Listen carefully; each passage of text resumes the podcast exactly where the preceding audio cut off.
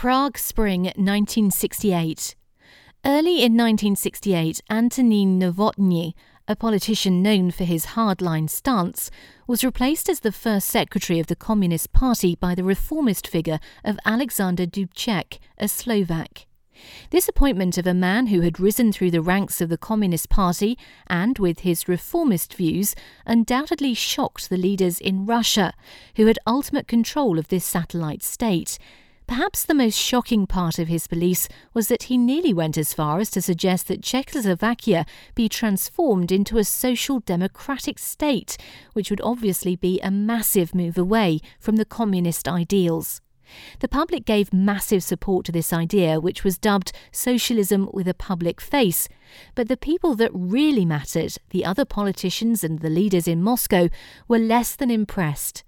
As the grip of government became looser, though, the people of Czechoslovakia responded with an outburst of never seen before antics. The artistic community rose up, anti Moscow sentiment came into the public eye, and the dispersal of political ideas became commonplace. Freedom from the communist shackles seemed like it was finally being realised, and the public never thought that it would end as the 1960s wore on. Unexpectedly, though, the party was ended abruptly in August 1968 when the powerful Soviets decided that they were tired of this atmosphere that had engulfed Czechoslovakia. They were concerned not just with the fact that these events were occurring, but also with the fact that they could well spread to other communist countries and therefore threaten the fabric of communism throughout the whole of Europe.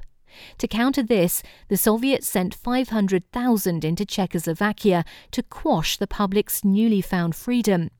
Tanks were seen sat up in Wenceslas Square in a huge show of force, and brave men and women could be seen trying in vain to fight back this foreign force, either through violent means or through the peaceful occupation of various areas of the country. By no means was the Soviet invasion a bloodless one, as there were numerous casualties and deaths throughout the time. At the same time, Dubček and his team of supporters was summoned to Moscow, where they were coerced into ending their policies. Although upon his return Dubček remained in power, the real influence now lay elsewhere.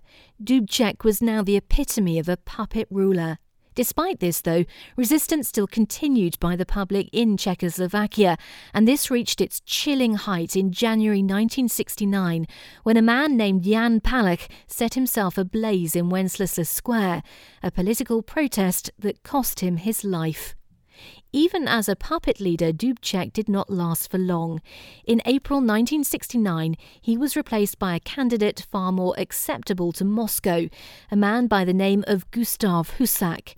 This appointment led to a massive crackdown on the kind of liberal freedoms that had been enjoyed during the past couple of years and led to many of the country's great artists and intellectuals emigrating before the borders were closed by the regime. In the following months and years, Husak cleansed the party of all those who had exhibited support for the movement and went about centralising power back to the government. He also extended the powers of the fearsome secret police. Czechoslovakia also agreed that it would observe the communist views held in exchange for the provision of a good standard of living. This was the case until 1989, when the Velvet Revolution sprang into life.